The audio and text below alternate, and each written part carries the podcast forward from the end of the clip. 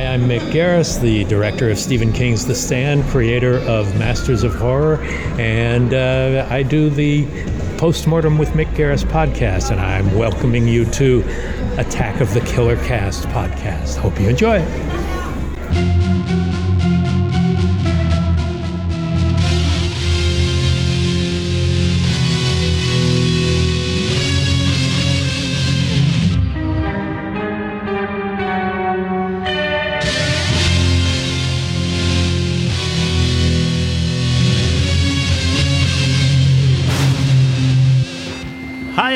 Sammen, og hjertelig velkommen til en eh, ny episode av Attack of the Killer Cast. Ja, from Oppdal. Fra Oppdal. Eh, Vi har tatt eh, turen ut fra studio og opp til Oppdal fordi det er Ramaskrik. 2021. Ja, som da er en skrekkfilmfestival som pleier å være i Oppdal, hvor det vises skrekkfilm over fire dager, og er quiz og litt sånn mingling og litt sånn forskjellig, da. Og ofte så pleier det også å være litt eh, eh, filmregissører og ymse her. Eh, Det er jo også i år, men det er jo norske da, som regel, fordi eh, pga. koronapandemien så har ikke sluppet helt eh, taket helt enda. Ja, og for dere som eh, følger oss, så vet dere at eh, vi var her også for to år siden. I 2019, ja. Da snakka vi blant annet med Brian Justna. Ja, Mm. så eh, nei, vi trives jo egentlig her, så Ja, vi gjør jo det. Eh, Vi tok jo også og kjørte oppover eh, fra Sarpsborg til Oppdal eh, på torsdag, så vi fikk jo ikke med oss eh, helt eh, de første filmene som ble satt opp, men vi har rukket å se en del film. Eh, Mm. Det, det har vi. Eh, Absolutt. ja, det har vi. Eh, Så vi kan jo bare gå igjennom litt. Vi kan jo bare snakke litt om eh, noe av det vi har sett. Eh, Første filmen vi så, var vel eh, 'Sleepwalkers'. Ja, vi kom til den. Eh, Det var jo meninga at eh, regissør eh, Mick Garris skulle vært her, men som sagt, pga. denne pandemien så ble ikke det noe av. Eh, Han var dog med oss via Zoom, da. Ja, og i ånden. og i ånden. Eh, Så det var en forhåndsinnspilt eh, intro før filmen, og så var det en live Q&A online etter. Ja, og det funka jo greit, det. Så teknikken var jo med, med oss, i hvert fall. Absolutt. Ja. Og de lærte vel sikkert i fjor, når hele festivalen var digital. Så Ja, du plukka opp noen triks på veien der, sikkert. ja. vil tro det. Mm. Men ja, Sleepwalkers eh, handler da om eh, Ja, det er vel en eh, mor og en sønn som flytter fra by til by, som da er de to siste igjen av sin art, da, som er såkalte sleepwalkers. Ja, shapeshifters. Ja, så, ja, for den originalformen deres på en måte er en sånn slags eh, kattevampyr, eller noe sånt. da. Ja, de er iallfall avhengig av å suge vampyrsjeler for Ja. å overleve. Ja, de drar life, unge, sikkert, eh, life forcen ut av uh, jomfruer. Mm. Uh, hva er vel det de må ha. Eh, Så da må du passe deg, Chris. Ja, det må jeg passe på. Men eh, ja, og de eh, har jo blitt jaga fra by til by fordi ting går over stokk og stein. Og i denne filmen så følger vi dem jo da i en eh, ny by, da. Ja. Det her er jo en, eh, en Stephen King-adopsjon, er vel ikke helt riktig, for det her var et originalt eh, manus han Ja. skrev til filmmanu ja, egen, Ja. eget filmmanus. Ja, helt riktig. som ble bearbeida, men det er uh, nevertheless en Stephen King-film, da, filmatisering. Ja. Uh, det var din uh, første runde med den, var det ikke det? Så der var du også jomfru. ja. Jeg hadde ikke sett den uh, Sleepwalkers før. Den har liksom stått på lista, uten at jeg egentlig har visst så mye om den. Men jeg har registrert at den eksisterer. Mm. Eh, men da fikk jeg jo tetta det hullet. Ja, det gjorde du. Eh, jeg så den jo igjen, som jeg har sagt milliard ganger i podkasten her, Ja. når han gikk på VHS i sin tid. Eh, Ja, du har ikke sagt det så mye ganger i den podkasten her, men kanskje på YouTube-videoen. Ja, men jeg tenkte sånn generelt, ja, i episodene våre så er det stadig henvisninger til meg og VHS. Ja, sånn, ja. Ja, ja. Mm. Jeg har også sett mye på VHS, ofte da opptak eh, fra Filmnett. Ja. Men ja, eh, 'Sleepwalkers' er jo en sånn Stephen King-film, eh, og det er liksom av den typen som er Det fins jo Stephen King-filmer som er bra, bra, på en måte, Mm. som er liksom The Shining og, Shawshank Redemption og, og sånne ting. Mm. Og så har du liksom de som er sånn bra, men cheesy, og, det er den, og så fins det også de som er dårlig, men cheesy, og bare cheesy. Og, Og og, bare, og bare dårlig og dårlig. Ja. Men ofte så er det litt skis uansett. Men den Mm. her er jo Sleepwalkers er jo liksom den litt sånn Den er eh, kul og bra, men den er forferdelig cheesy også. Men det, Ja. her funker det jo til filmens uh, fordel, da. Ja, jeg syns det. Jeg Mm. var liksom overraska over hvor godt han holdt seg. For han, han har et litt sånn semidårlig rykte. Det er, den er liksom ikke den som blir nevnt når folk nevner sine topp fem eller topp ti Stephen King-filmer. Eh, men jeg syns Ja, han funker fett, ja, og det er jo en grunn til at Mick Garris har blitt kompis med Stephen King. Og Ja, ja. er vel han som har filmatisert flest uh, av hans bøker. Ja, ikke sant? Ja, nei, jeg, jeg syns jo også det, er underholdende, da. Det, det er jo det som teller. Man kjeder seg ikke. Og så er det jo sånn veldig gøy med den at du kan se de sleepwalkerne sin ekte pure form i speil, da. Ja. Og bare det 'hvorfor har de speil i huset sitt', da, er jo også veldig morsomt. Men jeg skjønner jo at det liksom eh, er for plottet, da. Men ja, man kunne jo skrevet seg rundt jo at det hadde vært speil et annet sted. At Ja eh, eksempel han eh, sønnen eh, det handler om, han, for han har jo funnet seg en jomfru som han og mora skal meske seg med for å få lenge livet. Ja. Så det kunne vært hjemme hos ho, eksempel. Ja, ja. At det var speil. Så det er litt sånn lazy screenwriting noen steder her. Eh, litt rart i og med at det er Stephen King, men eh, det, kanskje ikke sto spesifisert i manuset at det ikke skulle være speil her. Men Ja. eh, ja, det med speilet, det la jo Mick Garris til. Det sa han jo i det Q&A-greiene. Stemmer det. Ja, det var hans idé. Så um, eh, men jeg tenker jo med meg sjøl, hvis jeg hadde vært en sleepwalker og du kunne se eh, hvordan jeg virkelig var i speil, eh, så tror jeg ikke jeg hadde hatt speil. Nei, det er sant, det. Litt sånn Eh, som hvis jeg skal eh, vampyrer har heller ikke speil hjemme, tror jeg. Nei, bortsett fra han eh, Leslie Nilsen, da. Ja. Nei, han har heller ikke det, men det er, han er i den ballsalen. Ja. Men eh, det er ikke Leslie Nilsen vi skal snakke om. Vi kan godt snakke om Leslie Nielsen. Nei, vi snakker om Steve Pockers han- Han er morsom, ja. Eh, men ja, altså, har, de har jo også en sånn evne til å gjøre ting usynlige, eller shapeshift andre ting. Da. Ja. At det går fra én type bil til en annen med annen farge og hele, og bare det å gjøre at ting blir eh, usynlige. Da. Det, er, det, det er veldig morsomt. Ja, men å fjerne kattene ut på plenen, det går ikke. Det får de ikke til. For det, det er jo et eller annet med at katter på en måte senser jo hva de eh, her er, og mm. samler seg av en eller annen grunn utafor husene deres. Så de Ja. setter opp sånne der, uh, kattefeller, altså Mhm. sånne bjørnesakser med kjøtt i. Mm. Og, og så må vi ikke glemme å snakke om eh, forholdet mellom mor og sønn her, for det er jo, er jo også litt, Litt spesielt. Litt spesielt. Det er en grunn til at uh, Mick Garris uh, mener sjøl han er i gang med en uh, motherfucker-trilogi. Ja, for han har lagd også Psycho 4, som Ja. eh, der hvor det har Norman Bates, og han er jo, er Litt jo anstrengt forhold til mora. Ja, det kan du si. Eh, Så han venter jo på å kunne lage tredje film i Motherfucker-trilogien sin. Da. Så Mhm. det, Vi gleder oss. vi gleder oss til det. det.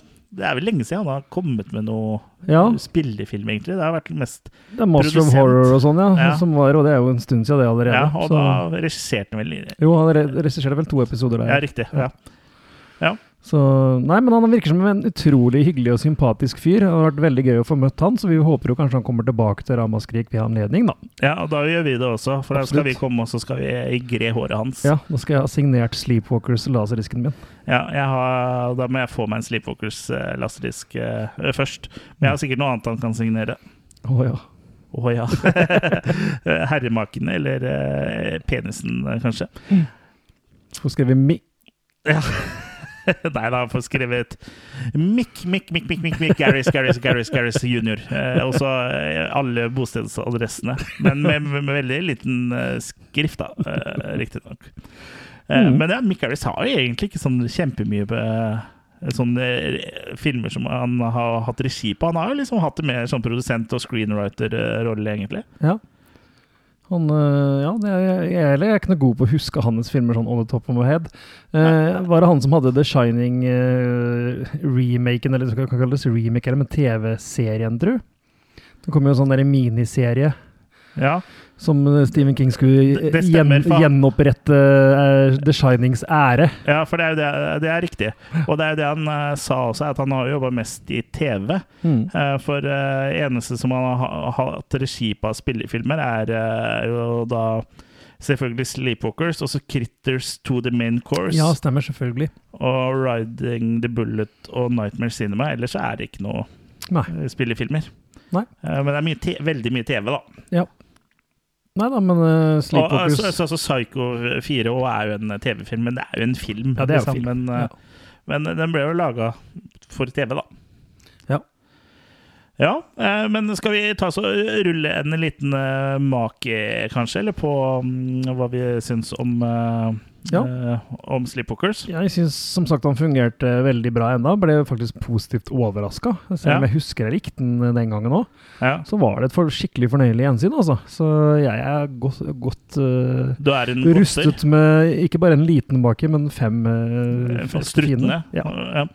Ja, jeg syns også den her var veldig morsom, og jeg er litt sånn svak for uh, cheesy Stephen King-filmer, da. Eh, jeg liker det, liksom. Eh, Mm. Jeg liker dem når de er bra, men også når de er cheesy. Så blir makekast fe- fem eh, for meg også. Mm. Så da kan vi jo gå videre med programmet. Ja, vi så jo åpningsfilmen. Ja, for i år så var det intet mindre enn Last Night in Soho, som er det siste opuset fra Edgar Wright. Han er jo mest kjent for uh, Cornetto-trilogien med Shaun of the Dead, Hot Fuzz og uh, At the End of the World. Uh, At, the- at World's, at World's End, End, eller ja. noe sånt noe. Ja. Eh, så vi kjenner han via, mye, via mye. Uh, sort humor og litt gore. ja, for jeg har ikke sett de andre filmene hans. Jeg har ikke sett sånn Baby Driver. Uh, Jeg har sett Baby Driver. Ja, Det er en helt annen type film, ja. Ja, men sånn som øh, Den som jeg fortsatt ikke husker navnet på, som vi snakka om, den uh, Hvor uh, Den videospillaktige filmen oh, ja, er jo også litt i sånn Shaun of the Dead-type sånn humor og litt sånn kul klipping og sånn. Ja, riktig. Eh, Jeg husker jo at det var noe Scott på S. Pilgrim versus The World. Riktig. Eh, bra vi har internett, si. Ja.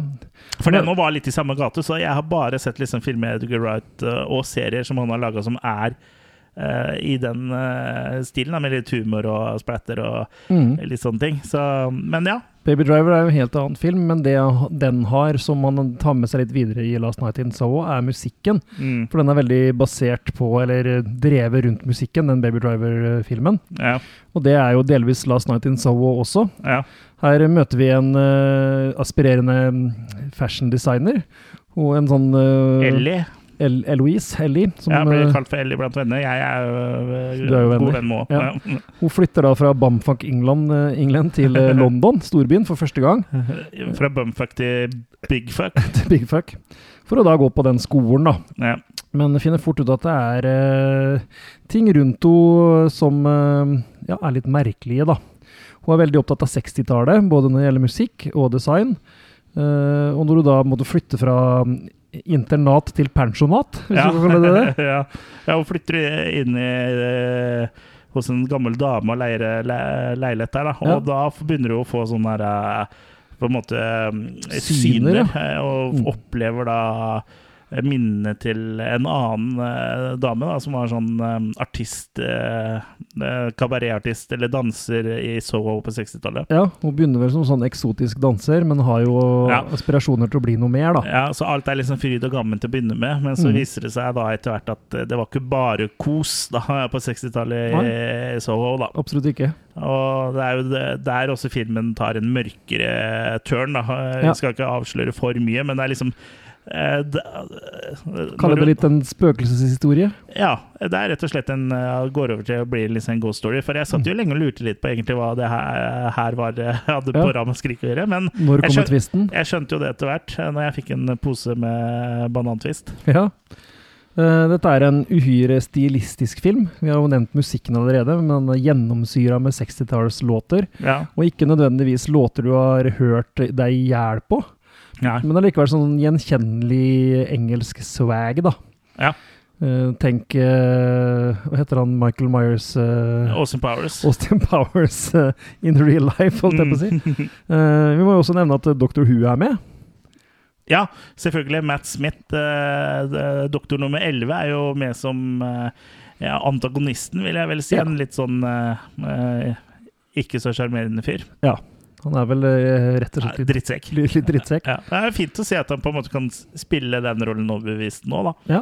For han har jo Jeg har ikke sett han i så veldig mye annet enn eh, Dr. Who, men der er han jo liksom quirky og rar og litt sånn eh, typete, da, men det er bra å se at han på en måte klarte å spille ekkel og truende òg, for det hadde vært Ja, Hvis han ikke hadde klart det, så hadde den filmen her liksom falt litt uh, sammen, da. absolutt. Hvis han hadde vært Dr. Who her, da. Ja, Who? Quirky uh, bad guy. Ja, det kan funke, Ja, det, det kan men funke. da må, du, da må du være litt humor igjen. Her skal du som sagt ha swag. Ja, ja, uh, det er jo ikke mye humor her. Nei. Men den øh, veksler jo som sagt mellom uh, Fortid og nåtid. Og. Ja, og hennes visjoner kontra eh, real life, da.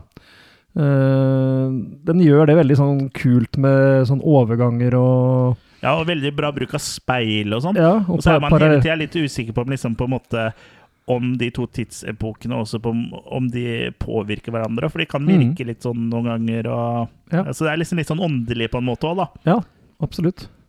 Så eh, jeg, jeg syns den her òg fungerte veldig, veldig bra, altså. Det er som du sier, vi lurte for lenge på hva i all verden er det her for noe? Er, er det liksom bare Edgar Wright, så er det nok til at det dukker opp på Ramaskrik, liksom? Men eh, Ja, den, den hadde noe der å gjøre. ja for han eh, eh, Holdt jeg på å si Yngve Haagensen? Det var Morten Haagensen som er eh, eh, eh, sjefen holdt jeg på å si, for Ramaskrik sa jo at, man, at det hadde vært noe om den på Ramaskrik i fjor. Eh, Ja. Men da var jo ikke vi her, men eh, det var jo den digitale festivalen. Ja. Så det kan jo tenkes at det, at man så noe klipp der. At det liksom var derfor eh, den på en måte var åpningsfilm nå. Men jeg skjønner jo hvorfor den var åpningsfilm nå som jeg har sett hele. Men eh, og det var en veldig bra film, og det er, uten å spoile podcasten for mye, så er nok eh, en av de beste filmene Ja. som blir vist her. Jeg er helt enig. Sikkert også den dyreste. Både Thomasine McKenzie, som spiller Eloise, gjør en veldig overbevisende rolle.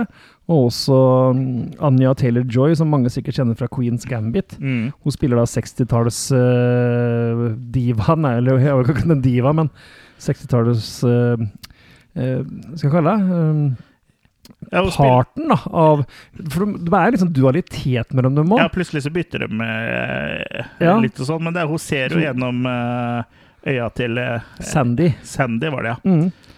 Så eh, ja, nei, eh, absolutt en uh, god film, altså. Så, Ja, veldig bra. Litt sånn uh, Den treffer deg litt òg. Den er uh, sånn emosjonelt òg, liksom. Du føler jo med hun Sandy og, Mm.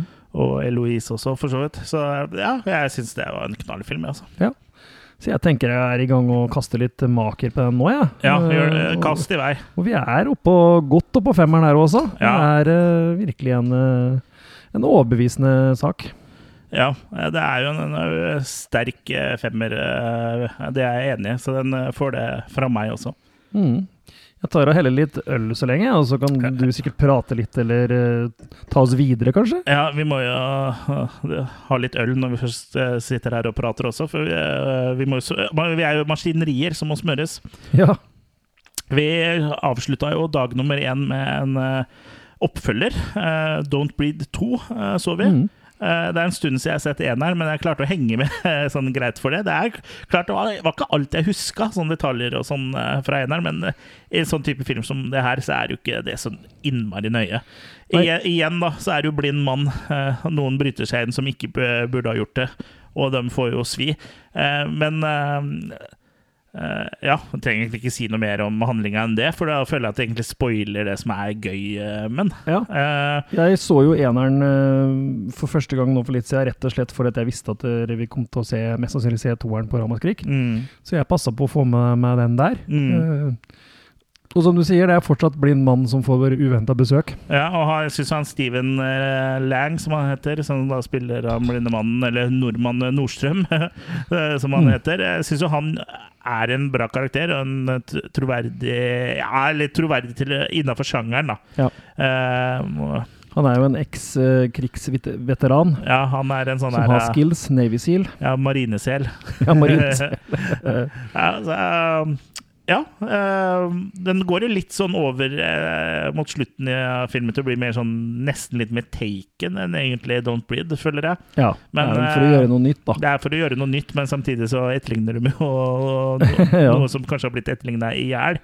Men eh, jeg syns den var veldig kul, jeg, altså. Men Ja, En av greiene med Don't Bleed er jo at det som er originalt med den første, er at den veksler litt mellom hvem som er protagonist og hvem som er antagonist. Ja. Det er liksom litt sånn vekslende med det, og det prøver de på her òg. Ja. Men det er litt vanskeligere da, når du har forhistorien til uh, Det blinde mannen fra før. ja, og du vet at han liksom tar seg av et barn, og Ja. ja. det, det fungerer ikke like bra. Nei, i hvert fall ikke når han da prøvde å lage barn på uærlig vis i den første filmen. Ja. Så ja, du lurer på hvor han har fått tak i barnet her. Ja. Mm. Det, det ser du vel i slutten av eneren, tror jeg, eller starten av toeren. Men eh, Mm. For det Ja. Det, Vi bør ikke spoile. vi bør ikke spoile. Eh, men eh, ja. Er det så mye mer å si enn Don't Breathe? Det er en god skrøk, skrukker. Ja Der slo jeg sammen skrekk og grøsser, så det blir skrøkker. skrøkker, ja. Jeg tenker at hvis du likte den første, så liker du den andre òg. Altså, det er smidd over samme lest. Eh, Det er en popkornfilm. Det er popkornfilm, og Ja. den fungerer, gjør jobben sin, men ikke så veldig mye mer heller. Alt trenger ikke være skjellsettende, Eller tenker jeg noen ganger så er det greit å bare se litt, eh, litt skrekk også. Ja da. Men jeg skulle vel kanskje ønske at du Ja da! ja da. Jeg hadde vel kanskje ønska at du hadde litt mer forhold til noen av karakterene, da. Ja, det var ganske tydelig at det ble henta inn liksom ekstra mange karakterer bare så de kunne dø, liksom. Ja. Eh, For hvis jeg minnes riktig, så har det ikke så innmari mange karakterer i den første filmen. Nei, det er Det jo egentlig tre som brøt seg inn. Ja, og spoiler, én som overlevde. Ja, ikke sant? Eller gjorde hun det?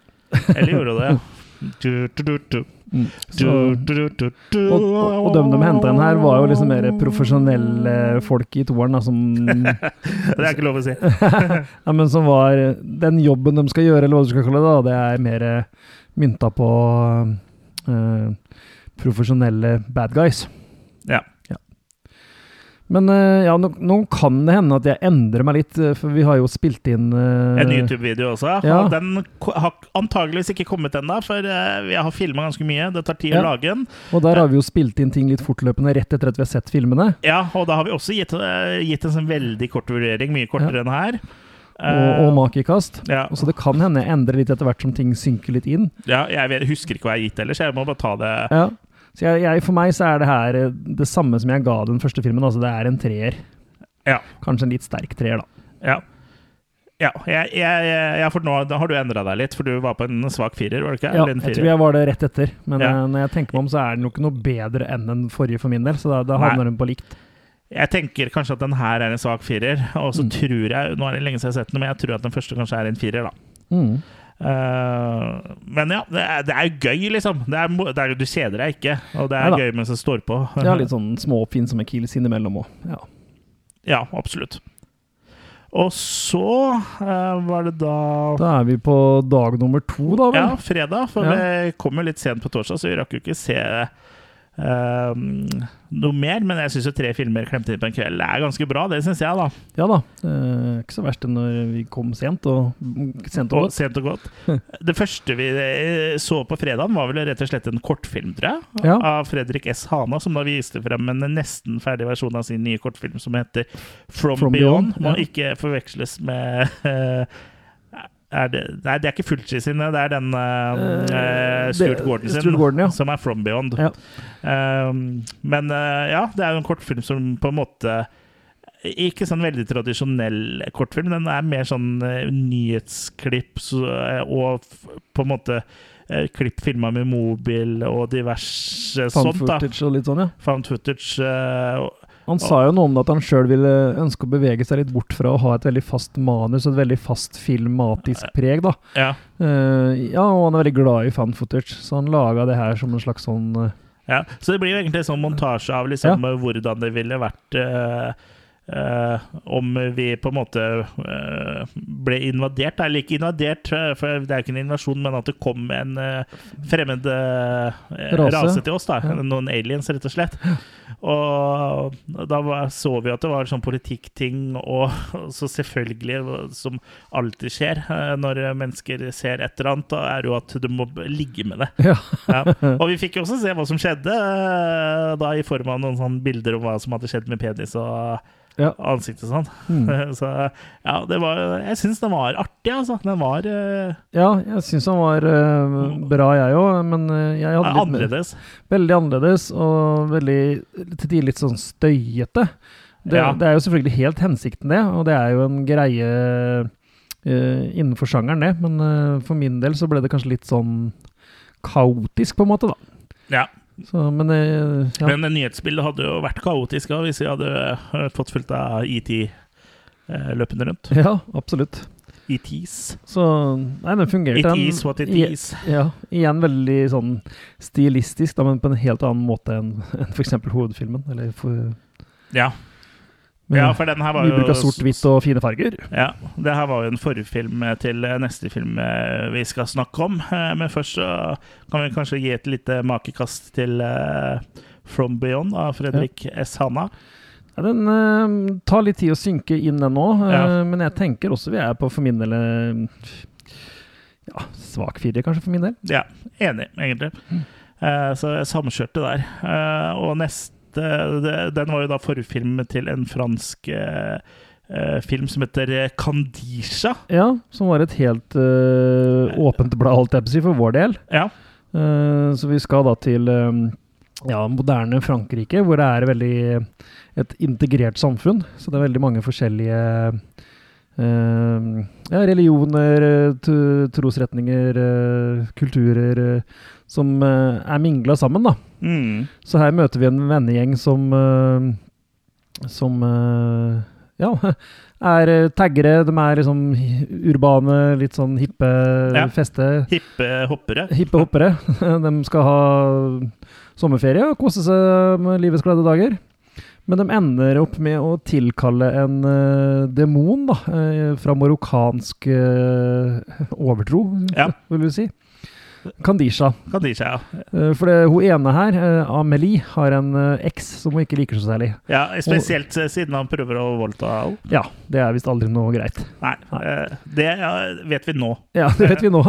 Så i, i beste Candyman-stil så klarer hun da å påkalle seg eh, Kandisha, som er en hevnfull eh, demon som tar seg av eh, mannfolka i Ja, hun, vennekretsen. hun er rett og slett mannevond. Ja, hun er mannevond, for det hjelper ikke med at Det er liksom en ting at hun tar voldtektsmannen, men Hun hun er ikke ferdig alle, med å plukke, hun. hun tar alle menn rundt den som har påkalt to, da. Mm. Eller fram til eh, antallet kommer til seks stykker. Så da gir hun seg. Ja. Til å bli påkalt av noen andre igjen, da. ja. Så eneste måten man kan stoppe det her eh, eh, på, er jo da å prøve å ofre noe, eh, som de da prøver. Mm. Og det viser seg at det fungerer ikke så bra. Er vi litt i spoilerterritoriet? ja, eller du kan ofre seg sjøl. ja. Så skal vi ikke si noe mer om det. Men eh, vi kan jo si litt om hva vi syns om filmen. Jeg ble liksom positivt overraska over den, for jeg liker litt sånn ghost stories. eh, eh, for jeg, ja, for nå, det siste har det blitt veldig sånn populært med at liksom at det ikke skal være så mye sånn ghosts Nå har det faktisk vært en del på festivalene her, da, men at Det er liksom skal, alt skal være mer sånn realistisk, og sånn som Don't Breathe og sånn. da Mm. Og det er jo bra, det òg, men det er liksom litt sånn kult ja, ikke, ikke fordi jeg, Nå har jo Conjuring 3 akkurat kommet òg, men eh, ja, jeg uh, syns i hvert fall at uh, Kadisha var en uh, positiv overraskelse for min uh, del. da Så jeg Ja. likte den egentlig veldig godt. Og så syns jeg altså den uh, selve demonen Kandisha Den er jo sikkert sånn den ser ut uh, ifølge den teg tegningen og sånn, og det har jeg ikke sjekka, om åssen den liksom skal se ut på ordentlig, men jeg syns hun var litt guffen. Og hadde Ja, og hun blir jo mer og mer guffen etter hvert òg. ja, det begynner jo mest som en sånn uh, hijab Ikke hijab, sånn uh, I hvert fall et eller annet over ansiktet så du bare ser øya, men Ja. også ser du liksom Etter at hun har ser en du sånn kjole, og så er hun på et eller annet tidspunkt så er hun jo litt hot òg. Ja da. Men eh, det jo forsvinner jo Helt til vi får se klovene. Ja, hun, hun har jo hover, og så etter hvert så Ja. Ja. Men jeg syns monsteret, for å kalle det det, syns jeg var eh, eh, underholdende og eh, fantasifullt, da. Men Ja. det kan hende at det, det er sånn eh, alle 70 000 tegninger Men for meg så er det jo nytt, da. Ja. Jeg har jo ikke så veldig mye kjennskap til marokkansk overtro. Nei, og det er det her den tjener mest på, er jo at det her er en frisk pust med tanke på Kall det religiøs horror, da. Mm. Som rett og slett henter fra Marokko istedenfor uh, alle våre kristelige demoner vi har hørt om tusen ganger før. Ja. Uh, så det var jo noe nytt, i hvert fall. Eh, ja, samme som deg, jeg likte Monstre. Uh, og jeg liker uh, det urbane miljøet. Eh, ja, Frankrike veldig- har liksom en sånn eh, veldig sånn eget eh, urbant miljø. Ja. Det er liksom veldig smeltedigel der, mm. eh, for det er veldig mange nasjonaliteter i Frankrike. Mm. Og så er det Det er jo liksom en sånn litt sånn, i hvert fall Paris og sånn, er veldig sånn hiphop-sted. Og det finnes jo veldig mye fransk i hiphop. Mm. Og fransk rap. Jeg har ikke hørt så mye på det, for jeg er ikke så stødig i fransk. Nei. Eh, men eh, ja, det er veldig sånn urban living, da. Eh, Så Mm. jeg syns jo det er kult, da. Jeg syns den filmen portretterer eh, den delen bra, og også Kadisha og overtro-greiene. og Ja, absolutt. Eh, Hvis jeg kan begi meg ut på noe makekast her, så blir det vel i landet ja, jeg- blir, Den blir i landet, ja. Den blir i landet. Jeg tenker her at jeg havner på en sterk treer. Ja, altså kanskje en svak firer på en god dag, men eh, ja, en sterk treer i hvert fall der er safe. Ja, jeg likte det. Altså, for, for min del så er det en eh, soleklar eh, firer, altså. Mm. Det er alltid litt gøy, som regel, med en eh, ghost story, eller demon, som det egentlig er. Ja, det er det det er her. Ja, Mm. det Det blir er litt sånn religiøst motiv. ja, mm. Så ja. Da, og og etter eh, Vi tok jo en dobbel eh, fransk dose. For, vi, Det gjorde vi. for etter uh, Kandisha så så vi da Titan. Ja. Titan. Titan, som er regissert av ok, Ju- Juliette eller noe sånt noe. Eller noe sånt. Ja, eh, som da kanskje er mest kjent for å ha regissert Rå. Ja. Den har ikke jeg sett, eh, men det Ikke er liksom sånn kannibalaktig film. Kan Kannibalvampyr-urban. Som visstnok har vært så eh, Har vært veldig grafisk og voldelig, da. Ja. Og her Det var jo en veldig hype i 2016 når han kom. Ja, eh, så det, var jo litt hype rundt den her også, men eh, jeg har jo som sagt ikke sett Rå, så det er vanskelig for meg å, å sammenligne opp mot den. Ja. Titan handler jo da om eh, Om selveste hva Alexia. Ja, det handler om Alexia. handler om, ja? eh, som da er i en bilulykke med faren sin da hun er liten. Mm. Får eh, en plate i huet. Ja. Titanplate. Ja, og derav navnet på, tit eller på filmen. Ja. Og så spoler vi fram i tid til hvor hun er voksen, og da er hun tydeligvis en sånn eh, gatebil-babe-dame som danser på biler, og veldig kjent og skriver masse autografer. Og tydeligvis dreper hun også folk. ja, det må jo ha en hobby. Ja, og når da jeg så den filmen, så tenkte jeg ja, ja, nå går hun på sånn killing spree og, og blir masse gøy vold. Mm. Men nei da, eh, for hun stikker av og blir jo ettersøkt etter mm. ja, et, vi har vel bare sett ett eller to kills som vi Eller ja, det var noen flere, for hun gikk Ja. amok i et sånt hus der. Mm. Eh, men da tar hun plutselig så Hun er på flyplassen, og så ser hun sånn uh, savnetegning av en gutt, og så ser du sånn der, hvordan han ville sett ut nå. Sånn der, eh, Fantom, age- eh, eh, Fantom-aging. Og det betyr ikke at han tok med sånn svart maske og lilla tights, men eh, og da prøver, klipper hun seg sånn og knekker nesa si litt, og sånn, som hun skal ligne på eh, den tegningen, sånn som den gutten som forsvant for mange år siden, ville sett ut nå. Mm. Og så kommer faren og henter henne og tror det tilsynelatende. At ha funnet sønnen sin tilbake. Ja, så det er en veldig merkelig film. I tillegg rart. så er hun gravid, Mm. og ja. Prøver å skjule det, selvfølgelig, for hun skal jo være gutt.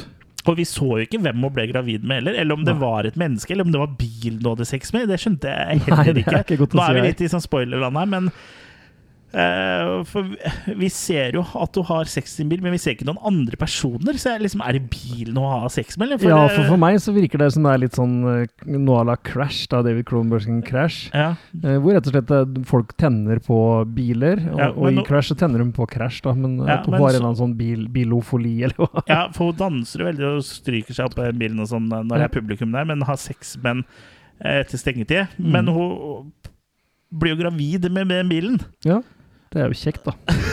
Er det med manuell eller automatkill, tror du? Eh, ja, eh, vi trenger ikke eh, ja, det, det, Graviditeten nå går jo eh, fort også. Ja. Men ja, det er jo også det som er humor, at eh, dagen etter på en måte hun har, har hatt eh, sex, så lekker jo sånn WD-40 ut av trusa og sånn. ja, litt sånn oljesøl.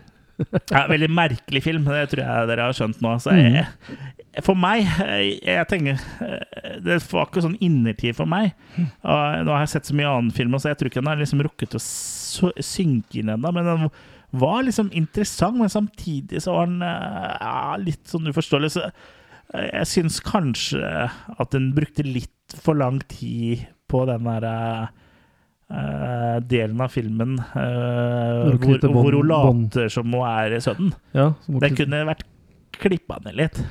Ja da. Ja da. Det er litt sånn akkurat som man ikke helt klarer å bestemme seg for hva slags film man skal være. Ja, det er schizofrent. Det er Ja. det. Uh, samtidig så er det provokativt til tider her sånn. Ja. Uh, og apropos provokativt, uh, Spike Lee satt jo i juryen i Cannes i år. Og fikk jo Mm. den her nominert, og den vant vel også er det Gullpalmen-vinner der. Mm. Rett og slett pga. at han valgte den filmen han syntes var mest provokativ. da. ja. Ja, Eh, så der den er jo veldig veldig jeg- spesiell. Ja, den Det er veldig spesiell, men jeg syns liksom ikke en Jeg ser ikke noe her eh, som jeg ikke har sett før, hvis det er sånn at den skal være provoserende, hvis du Mm. skjønner. Nei da, det er bare måten det er gjort på. Bare måten hun er på, hvor mye du ser av nakenhet der. Sånn, det, lager jo ikke Hollywood lenger.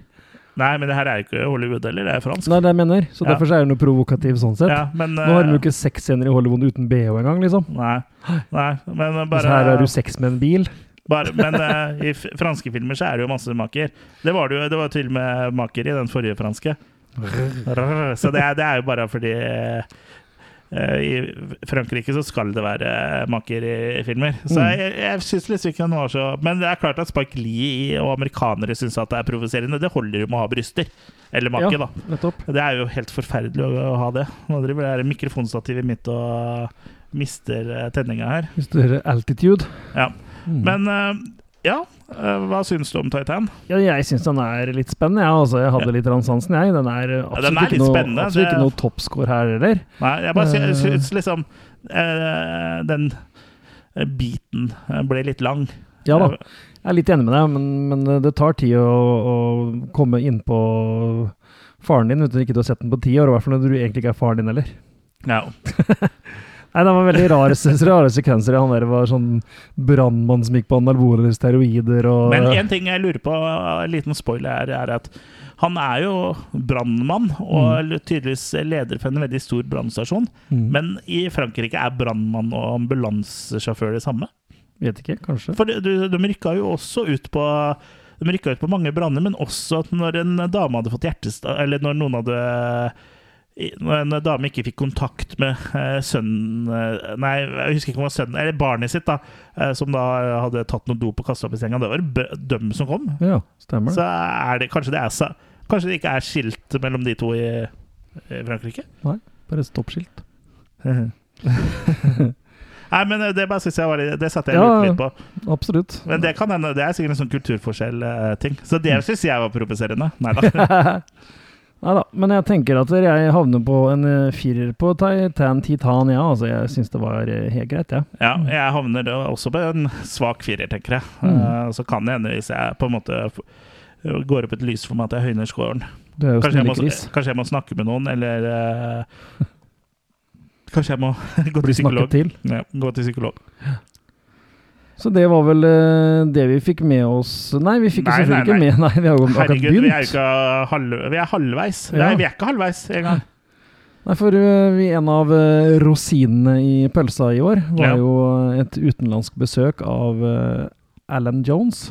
Yes, he's British. Ja, he's British. Og han er eh, filmskribent og forfatter, og ikke som Beon Formutter. Nei, og journalist. Journalist. Og besserwisser. Nei, besserwisser er å ta i. Nei, er Filmviter. Filmviter, og, Og veldig god venn med Dario Argento. Ja, og Mm. har hatt mye med italiensk eh, cinema å gjøre i utgangspunktet. da. Ja, han Har- vel om Han har vel vært på alle filminnspillingene til Argento, bortsett fra den siste nå. Ja, Fra opera og Fra fram opera til fram til den nå, ja. eh, Fordi at han nå kunne ikke være med pga. pandemien, men Ja. ellers har han vært på alle innspillingene. ja, vært, eh, Ikke gjennom hele, men liksom vært og laga uh, Ja. noe presseting, da. Så han var jo der for å introdusere debutfilmen, eller debutregifilmen til Argento, Mm. nemlig eh, The Bird with the Crystal Plumage. Plumage. Altså, Plumage, altså Som vi lærte oss uttales. Ja, fuglen med krystallfjærene på norsk. Ja.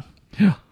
Eh, ja, som er da en uh, blueprint på Giallo uh, Ja. eh, sjangeren. Det var liksom Det var ikke den første uh, Gialloen, men det var den første på en måte Gia- Gialloen allikevel. Ja, litt sånn re mest rendyrka, da. Ja, det var den som satt Akkurat som Halloween, da. Det Ja. var ikke den første slasheren, men det var den som satt spillereglene, liksom, og som på en måte leverte, leverte da. Mm.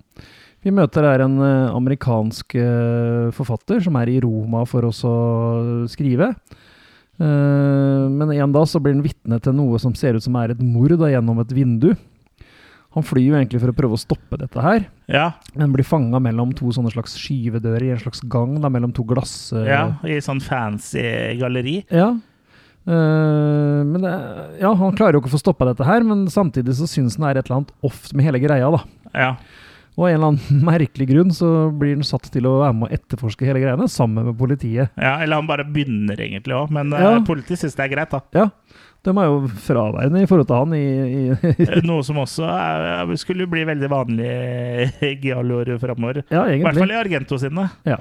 Jeg har ikke sett sånn kjempemye utenom hans. Jeg har sett noen, men ja. Mm, Det er alltid liksom ikke politiet som er etterforskeren. nettopp. Eh, det her syder jo av eh, Hitchcock-inspirasjon. Det er det jo ikke noe tvil om. Men samtidig så er det som sagt da den første rendyrka Giallo-filmen. Eh, med alle tropesa med en morder i, med svarte hansker og med stor kniv. som du egentlig aldri får se før uh, revealen på slutta, selvfølgelig. Ja. Og i denne her så er det jo også en twist når det kommer til det. Eh, ja, Fuglen med krystallfjærene er uh, et solid håndverk. Han ble ikke noe likt uh, i samtiden, før han begynte å gå litt på kino rundt omkring i Italia. Ja, Så begynte folk å få øya opp for han. ja. Og når han da etter hvert ble vist også utenlands, så fikk jo en fort en sånn kult following. Mm. Det må jo ha vært en veldig spesiell tid, det her, for det var jo før video og, og TV og sånn, for folk flest i hvert fall. ja. Så du var jo avhengig av å, å se dette her på kinoen. Så Ja. den gangen så kunne det liksom ta to år før en film ble en slags hit, da. Ja, og det, det var jo det som var tilfellet med uh, The Bird with the Crystal Plumage, er Mhm. at det tok jo tid. Uh, for de um, prøvde jo i litt sånn forskjellige byer, for det var ikke sånn landsbasis på den tida, visstnok i Nei, Italia. I hvert fall ikke hvis de ikke hadde ståltro på dette her. Så prøvde de det i en og en by. Ja, og så til slutt så var den liksom tilbake i Roma, der hvor den ikke gikk bra, og da, to år etterpå gikk den bra. Ja. Da hadde liksom word of mouth i resten av landet, liksom. Ja. Så de som hadde den først, de, liksom, de dro ikke og så den da de hadde den, på en måte. ja. Så det var jo en anekdote han fortalte at Carl Molden, som spilte i Dario Argento sin neste film, Ja. når han ble henta inn til den rolla, så gikk han jo på kino i Italia og fikk se Bird Crystal Plumers, da. For den gikk enda, liksom. Ja, ikke sant? Ja, ja. Så det, så det og, Ja, for jeg tror ikke det bare var to jeg tror, Ja, den gikk jo i hvert fall i to år. Men jeg tror kanskje den gikk til og med to år i Roma når den var tilbake der ennå. Jeg husker ikke. Mm. Den gikk i hvert fall veldig lenge, da. Mm. Eh, det blir liksom sånn at det bare kan tas over av neste film fra samme regissør. Ja. Eh, Jeg har jo sett den her før, men det var første gangen jeg så den med italiensk dub. da. Alt er jo egentlig dub, selv om du ser den på engelsk eller om du ser den på Ja, for er det jo dub. oftest er hovedrollene er jo Ja. I hvert fall hovedrollen pleier å være engelskspråklig. Ja, Så jeg er vant med å se dem med engelsk dub, men denne gangen så var det italiensk da som ble sendt. Ja.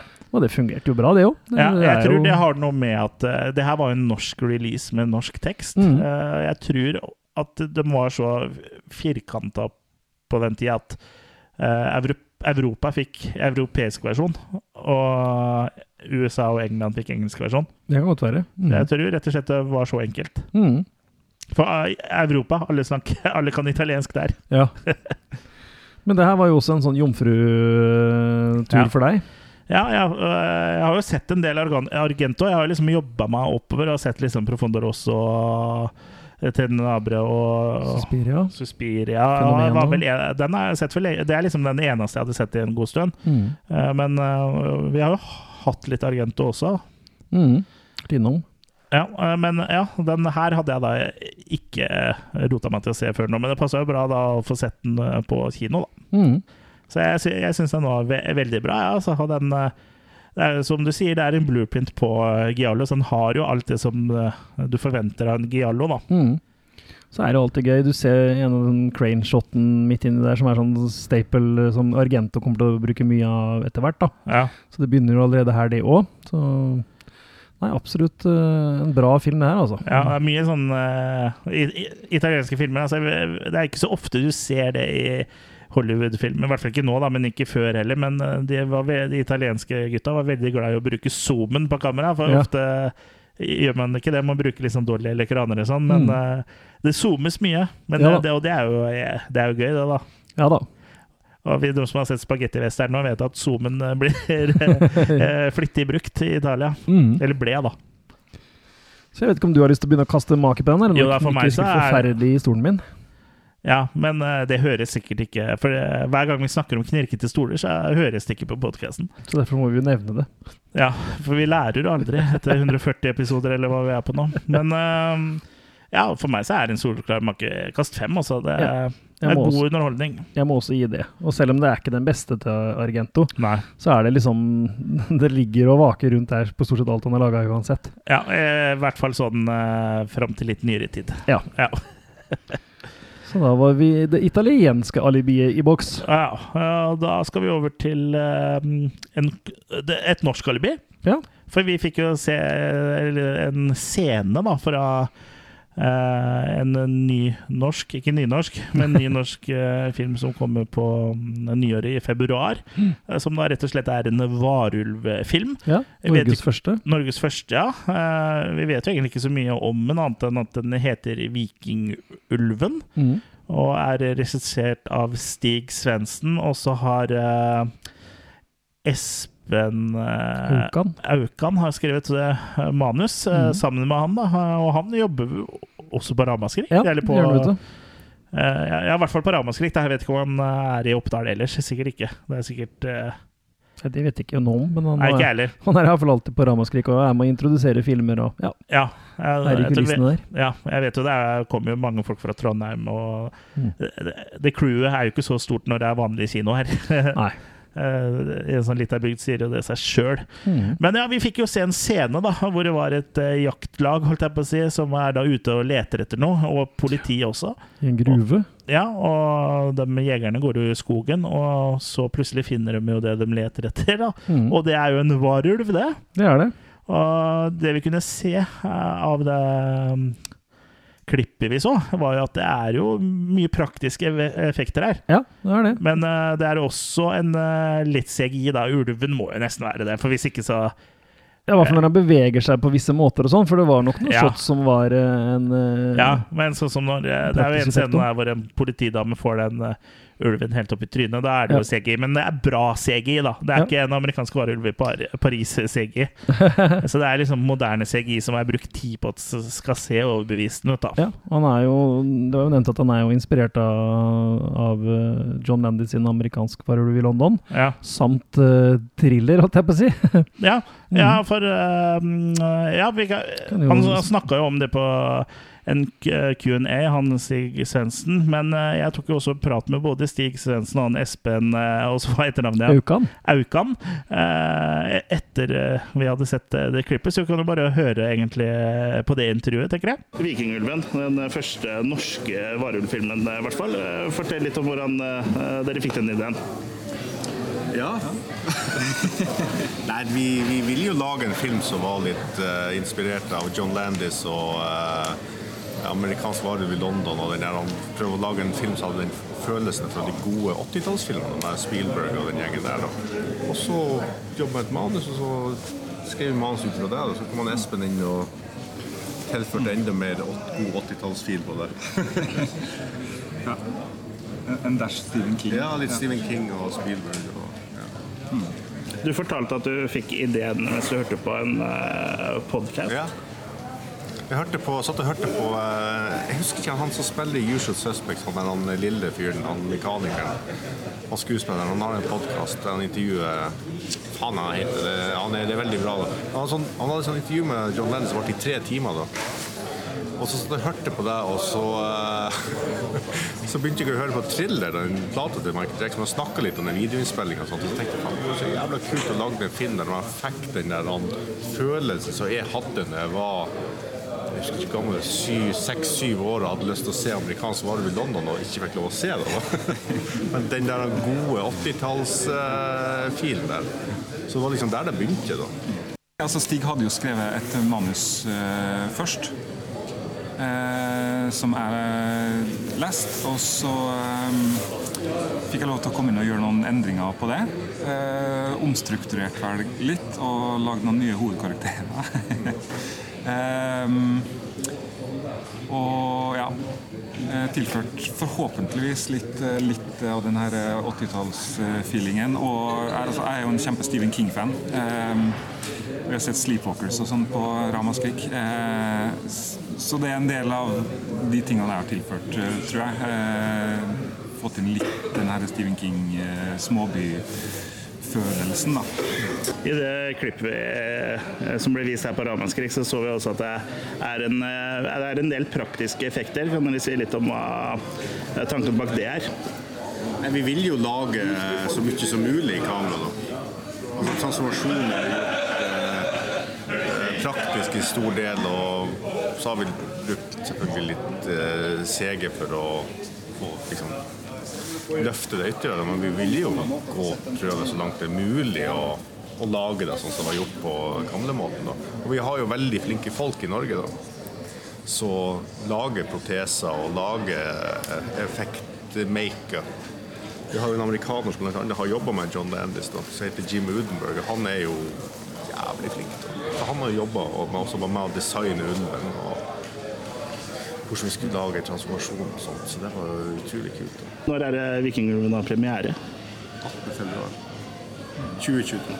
Ja. Og se den. Ja, vi i Attack of the Killercast vi gleder oss i hvert fall til å se Vikingulven. For eh, det lille vi så har sett, da, uh, syns jeg virker eh, veldig lovende. Mm, det var det. Ja. Så vi jeg så jo en trailer også.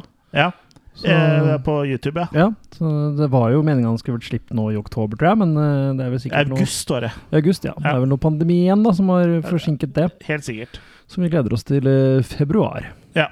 Jeg skal ikke si bort ifra at det blir en episode, eller i hvert fall en anmeldelse eller YouTube eller et eller annet på den, da. Mm. Men det kom jo en Vi så jo Det var jo på en måte forfilmen eh, til eh, den siste filmen vi så på fredagskvelden. Mm. Så det var øh, dokkefilmen, Ja, eller eh, Bamsefilmen. Ja. Benny Loves You. Benny Loves You, som jo er en, øh, ja, en øh, Britisk eh, sprettekomedie. Ja. Rett og slett. Som handler om uh, en gubbe som bor vel litt for lenge hjemme. Ja, til han er 35. Men Ja. da får han endelig bo for seg sjøl fordi foreldra dør. Ja. I det som ser ut til- å være en uh, bisarr ulykke. Ja, Men er det det?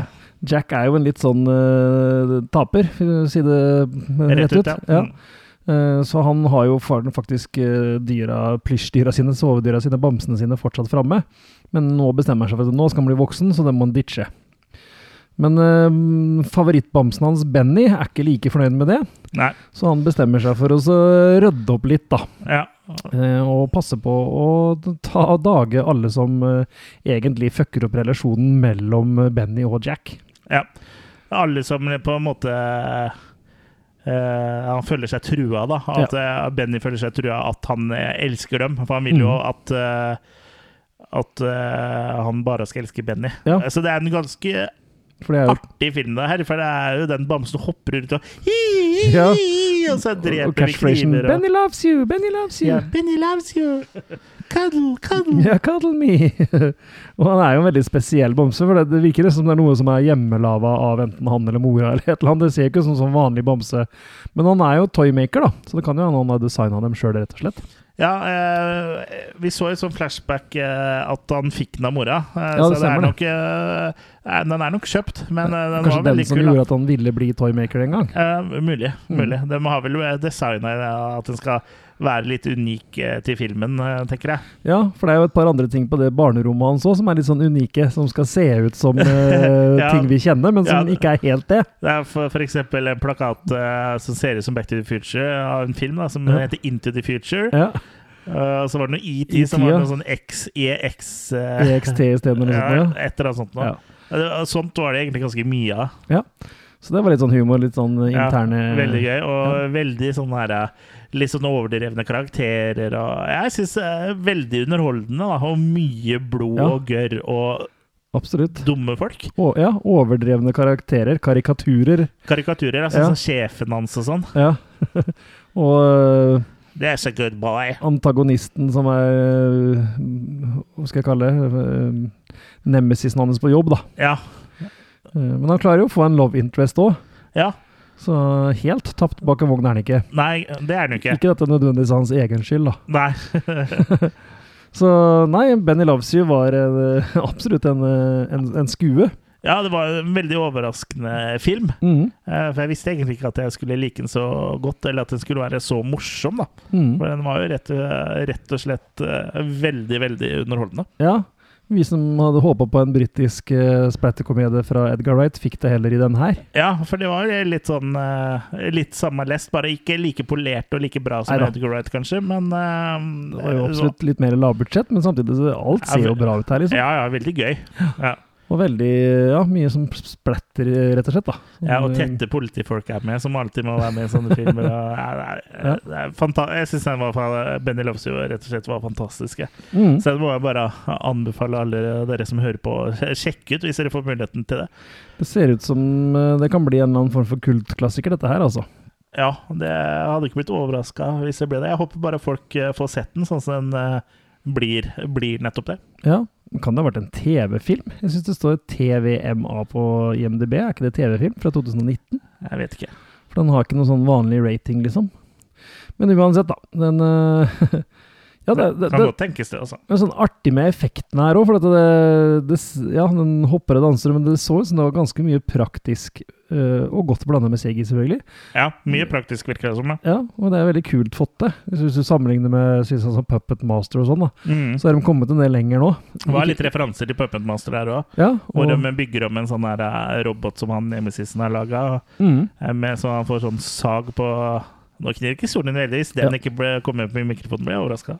så er det synd på dem som hører på. Men ja. Nei, jeg tenker vi kan bare kaste maker her, jeg altså. Eh, Det må jo bli, om en kanskje en litt svak en, så må det jo bli en litt sånn femmer her, også. Ja, det er eh, soleklart en eh, femmer først, da. Et av høydepunktene på festivalen, egentlig. Ja, det er en av høydepunktene, absolutt. Så ja, sol, soleklar femmer fra meg, og den var veldig gøy, altså. Mm.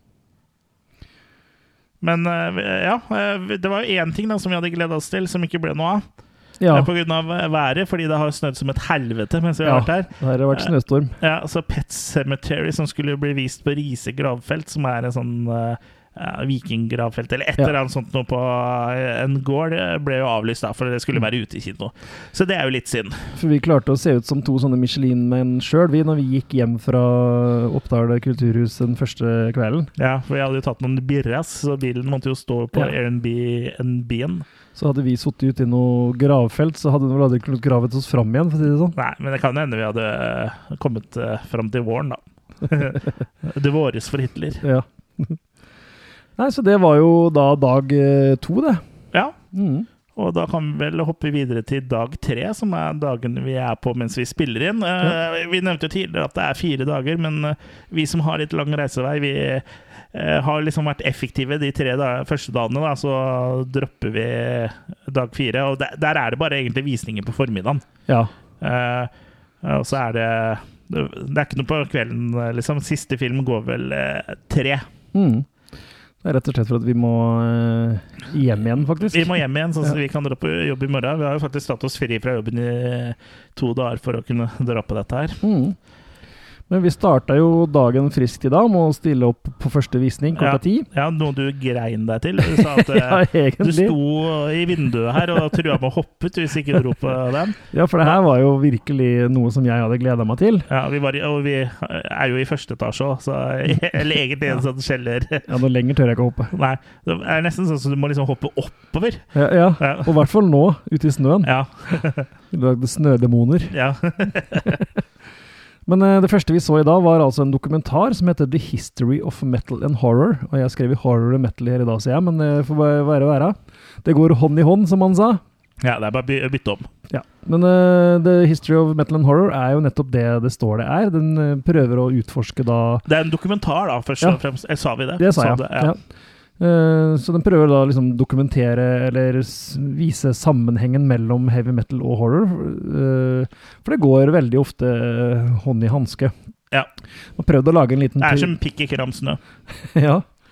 Man har prøvd å lage en liten twist der med å ha Michael Berryman som en sånn host. Ja, og så har de laget Litt sånn, sånn forfilm, på en måte. med sånn postapokalyptisk verden, en sånn, sånn ramme rundt. Ja. Og at det er en sånn fyr som finner liksom sånn eh, kassetter av et eller annet slag. Det er ikke Ja. VHS eller Beta, men det er noe de har laga. Ja, ikke sånn ordentlig egenprodusert, da. Så Ja. man kunne velge mellom History of Proctology, Ja. eh, History of Gardening eller History of Horror and Metal. Og da måtte man ha to kassetter i samtidig. ja, for hvis ikke så ble det bare støy. Ja, Eh, så ja, det var litt artig den ramma rundt der, men den var litt sånn artig teit. Du kunne heller brukt liksom eh, tida på, uten at jeg skal forgripe meg helt, på gjøre liksom, det fortellertekniske i selve dokumentaren litt bedre. Ja. For det var jo egentlig bare intervjuer på rad og rekke med ting som de syntes var kult. ja. Så det var ikke noe, det var ikke noe history of så veldig mye, egentlig. Nei. Det var mer name-dropping, egentlig. Ja, det så var det, eh, hva de syntes var kult, og Ja. hva musikkfolk syntes var kule filmer, og vice Ja. versa. ja. Ja. Det var litt sånn Ja, den syns jeg er kul. Ja, den syns jeg er kul. Ja, den syns jeg er kul. Ja, den syns jeg er kul. Ja, så Det var- egentlig eneste sånn eh, historiske man fikk fram her, er at eh, Black Sabbath oppfant eh, heavy metal. Det Ja. er, eh, det Og gjorde det delvis pga. horror. Ja, fordi de hadde sett at det var lang kø til eh, Black Sabbath-filmen. Ja, Mario Boris- Bava. Nei, ja, Mario Bava som har lagd den, ja, og og Boris Karloff som spiller inn. Mm. Ja. Så de tenkte hvis det funker på film, at folk drar for å bli skremt, så kan jo vi prøve å lage det tilsvarende i musikk, da. Ja. Så de prøvde å lage horrormusikk, rett og slett. Ja, og det er derfor mye av de platecoverne også er liksom litt sånn Ser ut som Ja. sånn filmhorrorting. eller- For det er jo liksom på en måte Platas filmplakat, på en måte. da Ja, Men eh, det kunne man jo ha sagt på to minutter, eh, Ja. mens resten var jo name-dropping. ja veldig mye. Altså, det er litt synd, da. Hadde håpa at den var litt bedre. For man har jo sett veldig mye bra dokumentarer, og spesielt sånn som uh, Crystal Lake Memories, og Ja. der hvor alt liksom bare på en måte har Det er en fortelling, da, på en Ja. måte. Mens her var det liksom bare De kunne jo satt det mye mer i, i kontekst sammen, liksom. Ikke bare sagt at ja Det i- kunne vært historien Ja. om, liksom. Og, og når de har historien om uh, horror her, så nevnte de f.eks. ikke den der Grand Guiolé, eller hva det heter for noe, den derre liveteatret som var så populært på starten av Ja, 1900-tallet, som var virkelig en forløper, for det var groteske mord på scenen. Ja, Det er jo absolutt en av de største inspirasjonene til eh, horror på film. ja absolutt. Det, absolutt. Så Var vel innom Jack the Ripper. At, det, Ja. mm, at han på en måte startet fascinasjon for horrorfiksjon, da. Ja. Den her er ikke sluppet helt enda, eh, men det står på IMDb at han er 2 timer og 35 minutter. Heldigvis så så vi en versjon på 1 time og 40, Ja, for det holdt egentlig det, altså. Det var litt for langt, det. Når det ikke er noe, når det ikke er noe story der, liksom. Ja, jeg er veldig glad i horror, jeg er veldig glad i metal, så jeg, som sagt, jeg gleder meg veldig. Ja. Ja, jeg syns fortsatt det er kult å sitte og se Kirk Hammett eh, med uh, samlinga hans. Jeg kunne Ja. sikkert sitte og sett et nivå Kunne du 40 heller sett det, da. Hjemme hos han. Hjemme hos han, ja. Det var dritfett. Og jeg syns det er gøy å se Alice Cooper snakke om film og sånn. Men liksom Ja, nei, det, det, er, det er så- vidt det skraper litt på overflaten her. Ja, og så er det liksom Det er ikke noe mål og mening bak, det er bare eh, Og det filmtekniske, som du sa, og er jo heller ingenting. Nei. Nei, jeg var skuffende, rett og slett. Ja, jeg ble litt skuffa her. Jeg var litt snill i YouTube-videoen, tror jeg, men jeg tror faktisk jeg må trekke det enda mer ned. Altså. Jeg tror jeg havner på en toer. Altså, Ja. Makekast to. Jeg tror kanskje jeg blir med deg, jeg òg. Ja. eh, når jeg liksom tenker tilbake på det, så var det jo Det var jo akkurat som før du skal uh, klippe en dokumentar, så hadde de bare lagt Ja, det her er soundbites, eh, det her er intervjustrekka vi skal Ja. bruke, og så må vi eh, binde dem sammen på vis, men så har de glemt å lage resten av dokumentaren. Ja, så var det også et veldig enerverende soundtrack i bakgrunnen. Ja, hvor, det reagerte jeg på, for Ja. det var sånn der heavy metal-gitarriffing, og det, det Ja. er jo kult. Det Men- kult, det. Men det var jo Si hvis det var ti minutter med intervju, Ja. eh, med intervju rett foran, så lå den bak deg Ja, hele tida. Det funker jo ikke. Ikke noe dynamikk, ikke noe som Nei. liksom passa inn nei, noe det var en loop, liksom. Ja, nei, det var ordentlig enerverende. Uh, og de har selvfølgelig ikke kosta på seg å, å bruke noe musikk fra bandene de snakka om, eller eh, fra filmene de snakka om. Det var, det var selvfølgelig klipp fra filmer, men det var jo ikke noe Mm. ja, nei, nei, det var, nei, rett og slett litt tamt, altså. Ja. Så ja. Du, weiter und weiter, tenker jeg vi sier da. Ja, vi, jeg tenker vi går videre, for den, den var skuffende. Uh, men vi så jo da en kortfilm uh, som Mm. heter Bed. Det gjorde vi. Uh, nå har jeg, vet jeg ikke hvem som har regi på den, men jeg mener det var jeg, Nå finner jeg ikke den på IMDb her heller, så, men det var en kortfilm hvert fall, om en kvinne som på en måte er redd for senga si. Ja, og og rett og slett lakenskrekk. Eh, så Og tydeligvis skrekk for alt annet. Hun får tak i telefonen og har ikke vært ute, ingenting. Eh, men eh, det virker som om hun Det her på en måte er hennes da oppgjør da mot noe traumatisk som har skjedd med henne i den senga her. Ja, for det er jo helt lammende hele greiene, liksom. Ja, og hun klarer ikke å ligge inn eller sove inn. Og når hun tar opp lakenet, så ser hun skygger og Mm. av noe som har hendt der. da Mm. Så jeg tolker det jo som om at det har vært noe sånn voldtekt eller et eller annet sånt noe i, i bildet. Mm. Eh, men hun får, får jo da Ja, spoiler kortfilm som antageligvis folk ikke får muligheten til å se engang. Mm. Gjør jo ikke noe. Men hun kommer jo til slutt over disse egne demonene, da. Eh, Så den var jo absolutt interessant. Ja da, hva er det? Mm. Jeg, tror kanskje jeg var- litt snill med karakteren sånn rett etterpå, så jeg tror at jeg havner på make tre der, altså. Ja, der var vel jeg enig med deg nå. Eh, den får til en del med veldig Og bra stemning, på en måte. Ja, får til mye med få midler. Det er jo ikke noe Ja. penger eh, brukt på Både dette her. Både få-midler og bet-midler. Ja. Ikke noe bet-midler, mener jeg. Ikke noe bedt midler. Hadde bet-midler vært med, det hadde vært noe annet. Da hadde det kosta mye mer enn det den her kosta. Ja. Så helt grei, altså. Eh, hun kan sikkert få til mer etter hvert, den dama der. Når vi en gang finner ut hva hun heter. ja ehm, har ikke du programmet der? Programmet, jeg tror ikke det står der ellers. Å nei. Nei, så, så, Samme kan det være. Eh, Det var jo i hvert fall da forfilm til uh, hovedretten, som da var uh, eh, Skal vi se, hva var det ene? Jo, det var det Antlers. Antlers, ja. Mm. Mm. Som var neste film ut, da. ja. kan- du si kort hva Antlers uh, handla om? Ja, Antlers er jo eh, en eh, mytisk eh, karakter, holdt jeg på å si. En Windego, Ja, det er en sånn uh, spinn på den uh, historien, ja. mm, som vi har sett i andre filmer før. ja. Uh, men her snakker vi om en eh, Vi, fø- vi Vi følger, en, en sånn lite Ja, vi er i Bamfuck, USA igjen. Ja, eh, sånn i innlandet i USA, som alltid gjør at jeg får sånn Stephen King-vibes. Det har Ja. sikkert gjort litt med overlegg i det også. Altså, Så her er, er det jo en sånn gruvesamfunn som egentlig er nedlagt, så nå bruker de den gruva som sånn meth lab. ja, jeg er ikke i samfunnet, men i hvert fall et par av de. Faren Ja. til Lucas, blant annet, som er hovedpersonen vår. Ja, men en da så møter faren til Lucas noe i den gruva, da, som uh, ja, rett og slett uh, transformerer han, på en måte, da. Mm, mm. Så han uh, Han går jo gjennom en prosess, for å si det sånn. Ja. Skal eh, Han, eh, fødes litt, på en måte. ja, og det som den her eh, myten også går på, er jo at det var jo en gang For det er jo sånn indianermyte, eller Mhm. native americans, da. Innfødt amerikanermyte, hvor det var et menneske en gang som spiste menneskekjøtt, og så tøt til kannibalisme, og da ble Mm. det liksom på en måte til en demon på et vis, da, som Mm. igjen kan bli gjenfødt i noen andres kropp og sånn. Mm. Og det er jo det som skjer da med faren til Lucas, han som stadig må ha mer eh, rått kjøtt. da Så Lucas er jo ute og liksom finner døde dyr og sånne ting. Og det her fikk jeg også litt sånn skunk på menyen. ja, her fikk jeg litt sånn vibber til eh, Den har jo ikke du sett, tror men første episoden i sesong én av Creepshow-serien er det også litt sånn lignende oh, ja. ja. tematikk der, bare at eh, det er ikke en sånn Winnie Boo eller Winnebago eller hva det heter for noe. En RV. En RV. Winnetou. Jeg husker ikke helt hva det het. Nei, ikke heller. Jeg jeg har sett flere filmer med samme tema, men eh, Ja. eh, jeg er ikke så skarp i indianersk. Nei, eller Native Americans. Ja. Americans, faktisk. Men Antlers uh, var også Winnebago, det er jo Ja, Nei, Vindego. Å, ja. Winnebago er jo en RV. Ja, det kom også opp en myte om det. Ok. Myten om uh, bobiler. Jeg bare googla nå, men det kan hende det er en annen myte. Det er et eller annet om jorda å gjøre. Ja. Men uansett, så altså, syns jeg Antlers også gjorde jobben sin, altså. Ja. Eh, kult monster her også. Vendigo er det. Vendigo, Vendigo, ja. Vendigo.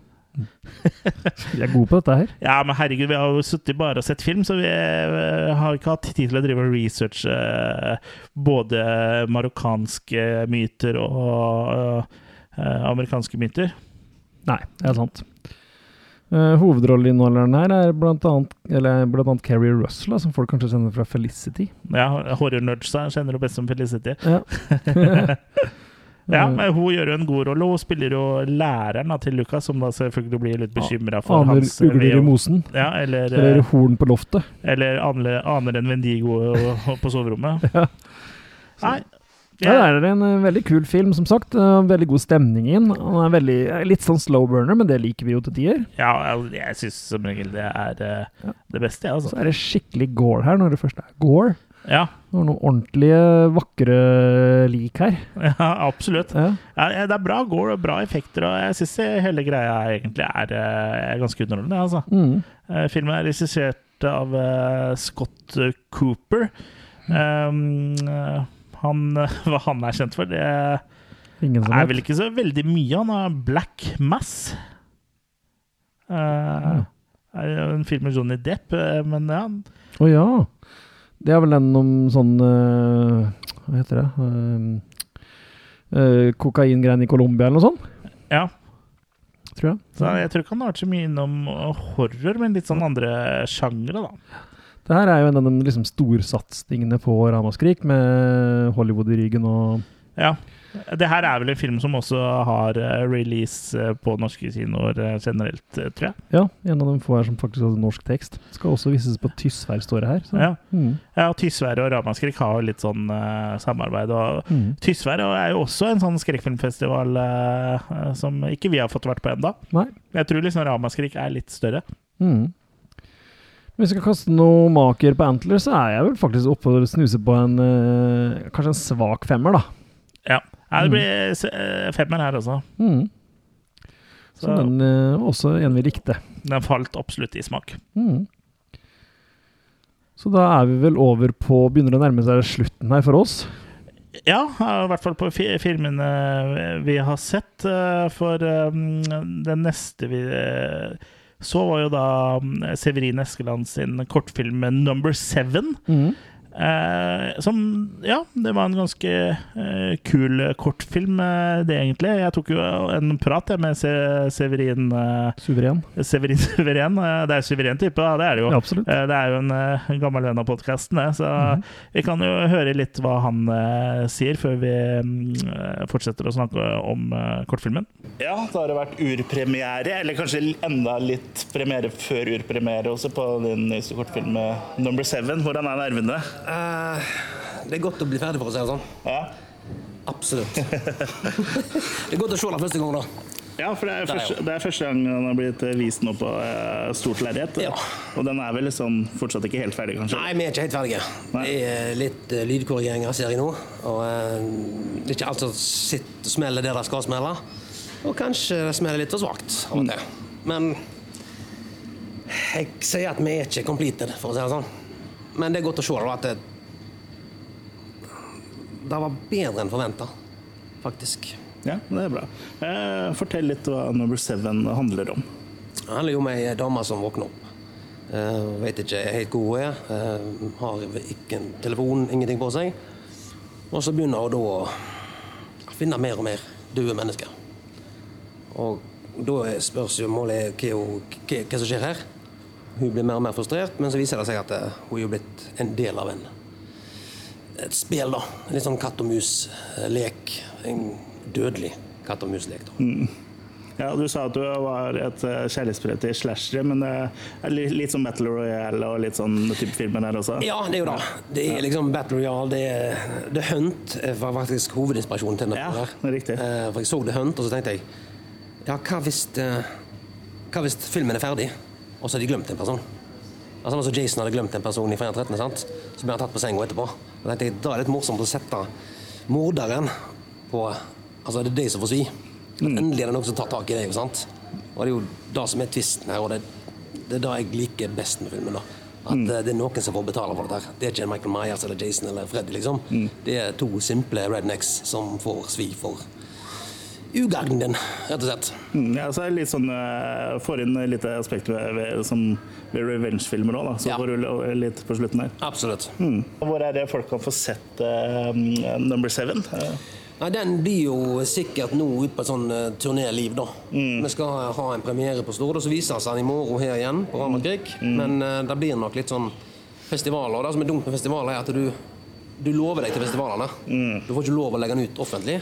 Så altså, Alodium, som spilte her for to år siden, er fortsatt ikke mulig å legge ut lovlig. Pga. at uh, det er tre festivaler igjen. Og når den er ferdig, så blir det der. Men altså, Alodium satser vi mye mer på enn det vi kommer til å gjøre på denne. Okay, det blir en sånn Uh, Dette var en gagfilm. Ja. Egentlig. Vi har kost oss. Vi ville lage en litt sånn slapstick-slasherfilm. Mm. Og da føler jeg at vi har eh, ja, mer eller mindre fått til. Så denne blir nok mer tidligere å få se Mm. enn uh, den forrige. Ja. Det var altså min, eh, mitt lille intervju da med eh, Severin Eskeland. Den kan også ses på YouTube-videoen, som kommer eh, forhåpentligvis etter hvert. Eller ligger ute nå, da, hvis du hører episoden i en eller annen gang i fremtida. Ja, hva skal vi si? Hva syns du om, om Number Seven? Nei, jeg syns han var uh, kul ennå, ja, altså. Vi har jo Alodium friskt i minne, selv om det er to år siden vi så den, og den likte Ja. vi veldig godt. Veldig godt. Så jeg hadde litt sånn Og den kan også dere snart se. Bare Ja. tre festivaler til. Ja. Nei, så jeg hadde litt sånn high hopes her. Uh, og jeg må innrømme at det tok litt tid før den her uh, satt, da. Men når payoffen kommer, så er det jo eh, absolutt verdt det. Så langt gikk han jo ikke ha tatt, da, for det var jo en Kortfilm. kortfilm. Ja. Eh, men han har jo tatt det helt ut her med Kilsa og alt mulig. Jeg så vel til og med referanser til gamle kannibalfilmer i, Ja. i Ja. Ja, litt sånn uh, Cannibal Ferox og Cannibal Holocaust og sånn, men de, Ja.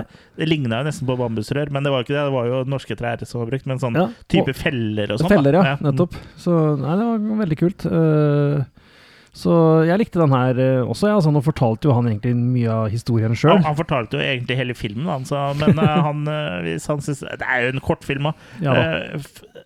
Eh, Folk får jo sikkert ikke sett den med det første, så man sikkert glemt alt dette her eh, da likevel. Og den er uansett, det er en kortfilm, den er verdt å se. Mm. Ja. Hvis du får muligheten. Hvis du er på en festival hvor den går, så sjekk den ut. Mm. Eller hvis du er hjemme hos Severin, eller et eller annet. Så, og så er det jo veldig kul plakat her, som uh, Ja. våre venner um, Tommy Myrbostad og Ja. Per Ingvar Tomren har uh, lefla laga. med. Ja. Mm. Så Nei, det var en eh, artig opplevelse, det òg, altså. Så hvis jeg skal driste meg på noe make her, så er vi nok eh, ja, en sterk firer, tenker jeg jeg sier.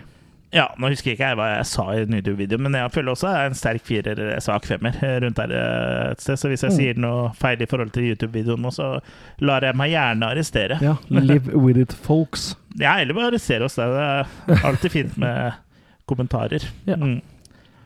Eh, Men da skal vi vel hoppe til den aller siste filmen vi så, og Ja. det er The Night House. Det er det. En, eh, også en eh, ny film. Eh, moderne film, ny film, en Hollywood-sak det her òg. vi møter en enke som akkurat har mista callen sin i, til selvmord. Men hun bor fortsatt i huset, da.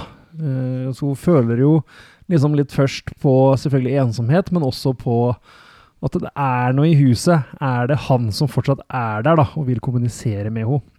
Eller er det noe annet? Eller er det noe annet? Eller er hun rett og slett gæren? For hun hun sliter også med litt psykisk. Der, Ja, hun, litt, litt glad i alkohol. Hun, ja, også hun døde jo sånn teknisk eh, sett også for uh, en del år tilbake etter en Mm. ulykke. Så hun har jo slitt med liksom mørke demoner etter det. Mm. Og litt lysedemoner. Og litt Og noen rødhåra. Ja. Demoner eh, en masse i alle former og farger. Men ja, du sier det er en Hollywood-film, men den føltes et, litt mer independent. Det er ikke en Ja. Nei, studioproduksjon eh, er som distribuert av Searchlight, da, som er Fox. uh, sin eh, independent-satsing. Ja. Mm. Så han har veldig god stemning. Eh, jeg hadde liksom trodd at det her er en slow burner som skal komme med en skikkelig payoff.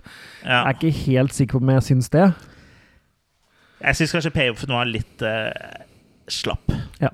Mm. Ja, skal man, eh, vi skal være ærlige, og ja, jeg er vel litt eh, enig i det. At Ja. dere, Det var liksom ikke helt det vi hadde forventa til slutt. Nei. Ja, han bygger liksom opp en artig historie Det var jo en litt sånn kul twist og sånn mot slutten, men liksom Ja. aller, aller siste uh, slutten var litt sånn uh, tafatt, da. Ja, for Ja. hun bor jo i det huset som mannen hennes har tegna og bygd. Ja. Og det alluderer med at han har en slags sånn laga en sånn derre Nesten en annen dimensjon, da, både i det huset de bor i, men også et alternativt hus på andre sida elva, hva heter det, lake, innsjøen de bor ved. Ja, ja veldig merkelig opplegg. Det var, Det var liksom ikke vi, brukt ordentlig. Nei, vi kan jo spoile litt, da. Eh, For, uh, uten at vi går Vi spoiler, men, eh, så det er spoilervarsel, men vi spoiler ikke sånn 100 da, Men det er jo finner ut at det er liksom noe for å, at han har gjort dette for å forvirre eh, noe. Eh, en eller annen eh, holdt jeg på å si etnisitet, det blir jo helt eh, feil å si, men en eh, etnitet, er det det man sier? Ja. En, ja, noe som er uh, ikke i vår dimensjon, da. Mm. Så vi trenger ikke si noe mer om hva det er, men Entity. Ja, er- entitet, da? Ja, sikkert. I hvert fall ikke etnisitet. Nei. Nei, Det kan jo forvirre dem òg, f.eks. ved å, ha, jo- ha jo- ting på skilt på språk de ikke forstår. Og så er det liksom litt sånn voodoo-tingene Ja, her. det- er. Det er liksom nei. litt i den eh, Det er litt sånn svart magi ja. Det er liksom litt mye forskjellig, da. Og det spriker kanskje litt i for mange retninger. ja, jeg syns ja. ikke det gir noe uttelling verken den ene eller den andre. Nei. Noe som det bygges opp til, som aldri blir forløst. Mm, helt enig. Mot, motsetning til når du er på do. Ja. På seg sjøl kjenner man andre, skjønner jeg. Ja, nå har vi jo bodd sammen i noen døgn her, så vi vet vel det. Ja, men eh, du, vet vet at det er eh, to soverom her, så du må ikke eh, ligge i fotenden eh, sammen med meg på min seng. Jo. I min seng. Mm. Ja, jeg setter jo pris på det. Det er godt å ha noe å varme eh, føttene på. Ja da. Men Nighthouse var nok en litt eh, svakere film, eh, og kanskje ikke den avslutninga vi burde hatt her på uh, Ramaskrik, men eh, Men det er jo ikke den avslutninga vi kommer til å ha. Eller filmmessig er det den avslutninga vi kommer Ja, ja. til å ha. For eh, nå har vi sett nok film. Eh, men ja, Makekass, makekast. Jeg tror jeg sa svak firer, men jeg tror jeg eh, nedgraderer den til en treer. ja, jeg er på en treer her også. Den var, Ja. var absolutt sebar, Mm. men eh, det mangler Ikke noe jeg kommer til å se igjen. Nei. Mm. Men uh, apropos vi er, festivalen er jo ikke ferdig, og nå etter opptak så skal vi eh, på Ramaskriks horrorquiz. Mm. Uh, Så det gleder vi oss til uh, å kunne tape i en quiz. Ja, det det er mange her som kan mye mer enn oss. Ja. Altså, Vi har jo vært innom mye, men vi har ikke Vi har sånn teflonhjerne. Det er Ja. det- Ting doesn't stick. Um, så det er ikke sikkert vi finner veien tilbake til Kulturhuset engang, egentlig. Mm. Eh, men um, eh, det er jo litt Nå skal det bli litt sånn ålreit å bruke de siste timene vi har her på å liksom mingle litt, da, for det har vi ikke gjort så mye. Det har jo klart at Vi har jo møtt noen lyttere og noen seere, blant Ja, annet, absolutt.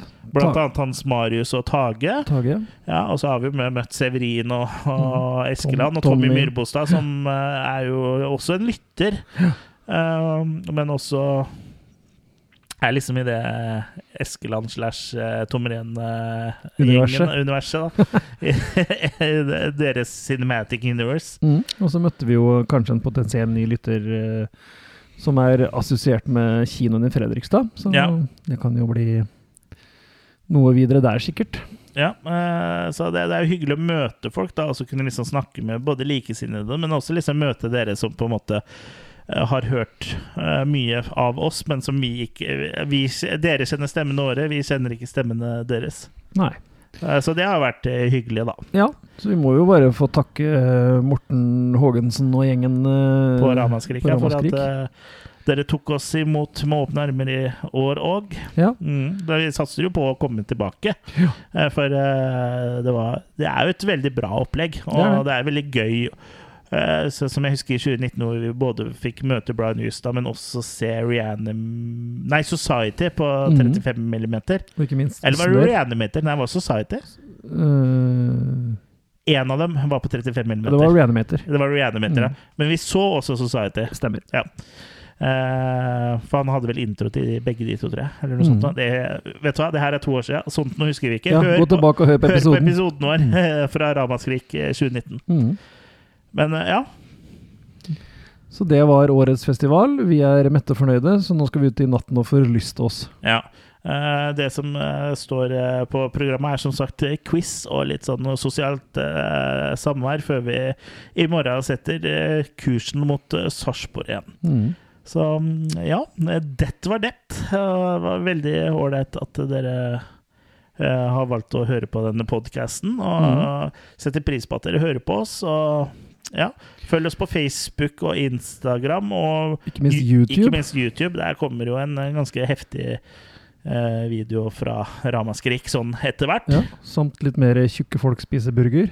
Ja, det kommer også flere episoder av Burgerbaronen, for det har vi også passa på å eh, få filma et par av mens vi er uh, utav, litt lenger unna der vi pleier å oppholde oss. Mm. Og vi hadde jo blitt veldig glad da om du ble premiummedlem. Hvis du Mm. går på attackofthekillercast.com slash go premium, eh, så kan du støtte oss eh, med, med, fra 39 kroner i måneden. Da. Og da får du jo også sånn eh, Da blir du takka på slutten av YouTube-videoene våre, og du får Mhm. tilgang til de episodene vi har av Killercast After Hours, og du får etter hvert er planen da invitasjon til eh, eksklusive videostreamer, da, som Mhm. ikke vil være tilgjengelig for noen andre. Mm. Så det er en eksklusiv klubb du kan komme inn i. Absolutt. Ja. Men eh, ja, det var vel det vi hadde for den gangen her. Så ta og sjekk podkastapparatet ditt om to uker igjen, for da kommer vi med en ny episode. Men eh, hva vi skal snakke om, det vet vi ikke ennå, så det får jo bli en gledelig overraskelse, det, da. Overraskelse, ja. Supplies. Supplies! Så ha det bra! Shalabais.